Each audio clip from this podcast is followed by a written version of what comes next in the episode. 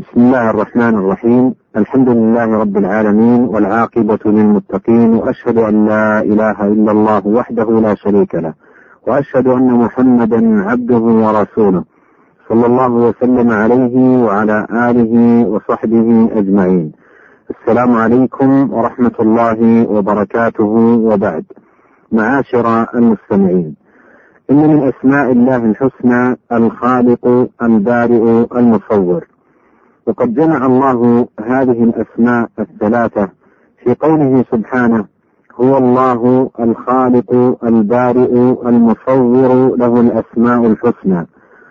أي هو المنفرد بخلق جميع المخلوقات وبرأ بحكمته جميع البريات وصور بإحكامه وحسن خلقه جميع الكائنات فخلقها وأبدعها وفطرها في الوقت المناسب لها وقدر خلقها أحسن تقدير وصنعها أتقن صنع وهداها لمصالحها وأعطى كل شيء خلقه اللائق به ثم هدى كل مخلوق لما هيئ وخلق له.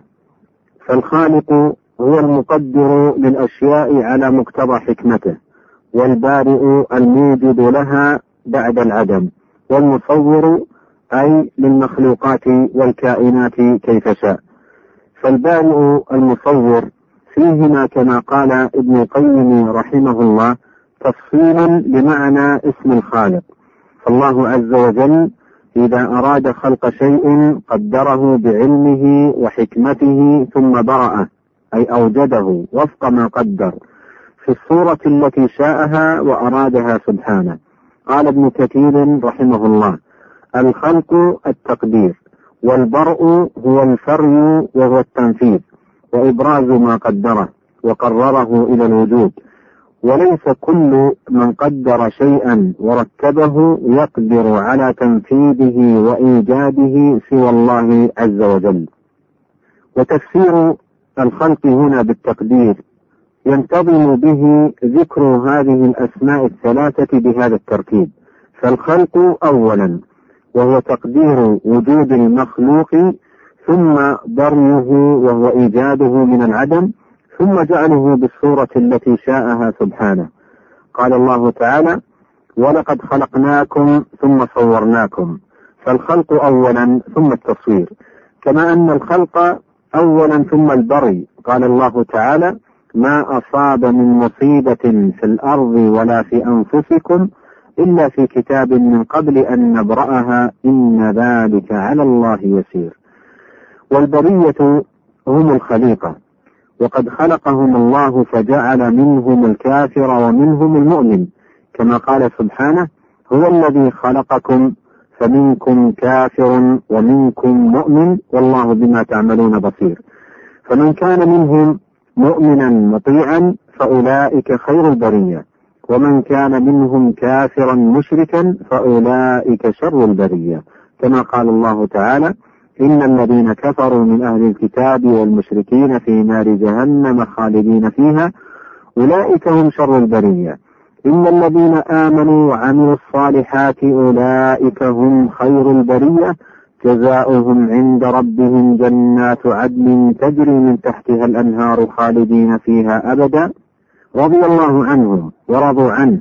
ذلك لمن خشي ربه. معاشر المستمعين. ولا بد من التنبيه هنا إلى أن شرك هؤلاء اتخاذ الأنداد والشركاء مع الله في العبادة مع أن الذي برأهم هو الله وحده أمر في غاية السفه ونهاية الضلال. بل إنه أعظم الظلم وأكبر الجرم. ولهذا ذم تبارك وتعالى بني إسرائيل في عبادتهم العجل وجعله شريكا مع الله والعجل حيوان بهيم لا يملك لنفسه نفعا ولا ضرا فضلا من أن يملك شيئا من ذلك لغيره. وأن عملهم هذا ظلم وأي ظلم. فقال سبحانه وإذ قال موسى لقومه يا قوم إنكم ظلمتم أنفسكم باتخاذكم العجل فتوبوا إلى بارئكم. فتوبوا إلى بارئكم فاقتلوا أنفسكم. ذلكم خير لكم عند بارئكم فتاب عليكم. إنه هو التواب الرحيم. وقال قبل هذا بآيتين ثم اتخذتم العجل من بعده وأنتم ظالمون. فالشرك أشنع الظلم وأفظعه إذ كيف يسوى المخلوق الناقص بمن أوجد الخليقة وبرأ النسمة؟ سبحان الله عما يشركون. قال ابن كثير رحمه الله وفي قوله تعالى هنا إلى بارئكم تنبيه إلى عظم جرمهم أي فتوبوا إلى الذي خلقكم وقد عبدتم معه غيره. انتهى كلامه. فكونه سبحانه وتعالى البارئ وحده. فيه برهان جلي على وجوب توحيده وإفراده بالعبادة. وكذلك كونه سبحانه المصور وحده. فيه برهان على وجوب توحيده وإخلاص الدين له. قال الله تعالى الذي جعل لكم الأرض قرارا والسماء بناء وصوركم فأحسن صوركم ورزقكم من الطيبات ذلكم الله ربكم فتبارك الله رب العالمين. وقال تعالى هو الذي يصوركم في الأرحام كيف يشاء لا إله إلا هو العزيز الحكيم. ولهذا حرم سبحانه على عباده تصوير ذوات الأرواح لما فيه من مضاهاة لخلق الله ولما فيه من فتح لأبواب الشرك والضلال. ففي الصحيحين عن عبد الله بن مسعود رضي الله عنه قال سمعت رسول الله صلى الله عليه وسلم يقول إن أشد الناس عذابا عند الله يوم القيامة المصورون وفيهما عن عائشة رضي الله عنها أن رسول الله صلى الله عليه وسلم قال أشد الناس عذابا يوم القيامة الذين يضاهون بخلق الله.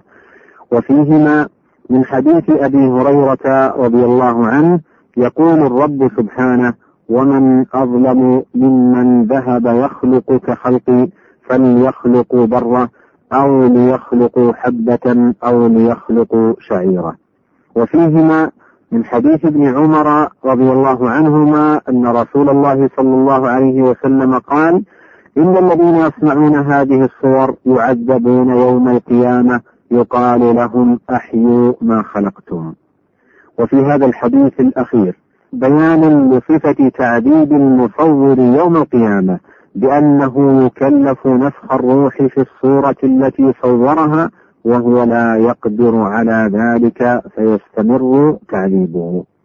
معاشر المستمعين ثم إن هذه الأسماء الثلاثة تنقسم إلى قسمين. فالبارئ اسم مختص بالله عز وجل فلا يجوز أن يطلق على غيره بأي حال لأن البرء وهو الإيجاد من العدم أمر مختص به سبحانه فهو الذي برأ الخليقة وأوجدها من العدم. وأما الخالق المصور فإن استعمل مطلقين غير مقيدين لم يطلقا إلا على الرب. كقوله تعالى الخالق البارئ المصور. وإن استعمل مقيدين أطلق على العبد كما يقال لمن قدر شيئا في نفسه إنه خلق. قال الناظم أو الشاعر ولأنت تفري ما خلقت وبعض القوم يخلق ثم لا يفري. أي لك قدرة تمضي وتنفذ بها ما قدرته في نفسك وغيرك يقدر أشياء وهو عاجز عن إنفاذها وإمضائها وبهذا الاعتبار صح إطلاق خالق على العبد في قوله تعالى فتبارك الله أحسن الخالقين أي أحسن المصورين والمقدرين. ومن لم يدرك هذا التفصيل أخطأ في هذا الباب. إما بنفي إطلاق خالق ومصور بهذا الاعتبار على المخلوق أو أن يثبت للمخلوق ما يختص بالله عز وجل من ذلك وهو تفرده سبحانه بخلق وإيجاد جميع المخلوقات دقيقها وجليلها. والله تعالى يقول أيشركون ما لا يخلق شيئا وهم يخلقون ولا يستطيعون لهم نصرا ولا أنفسهم ينصرون. وإلى هنا تنتهي هذه الحلقة وإلى لقاء في حلقة قادمة إن شاء الله. والسلام عليكم ورحمة الله وبركاته.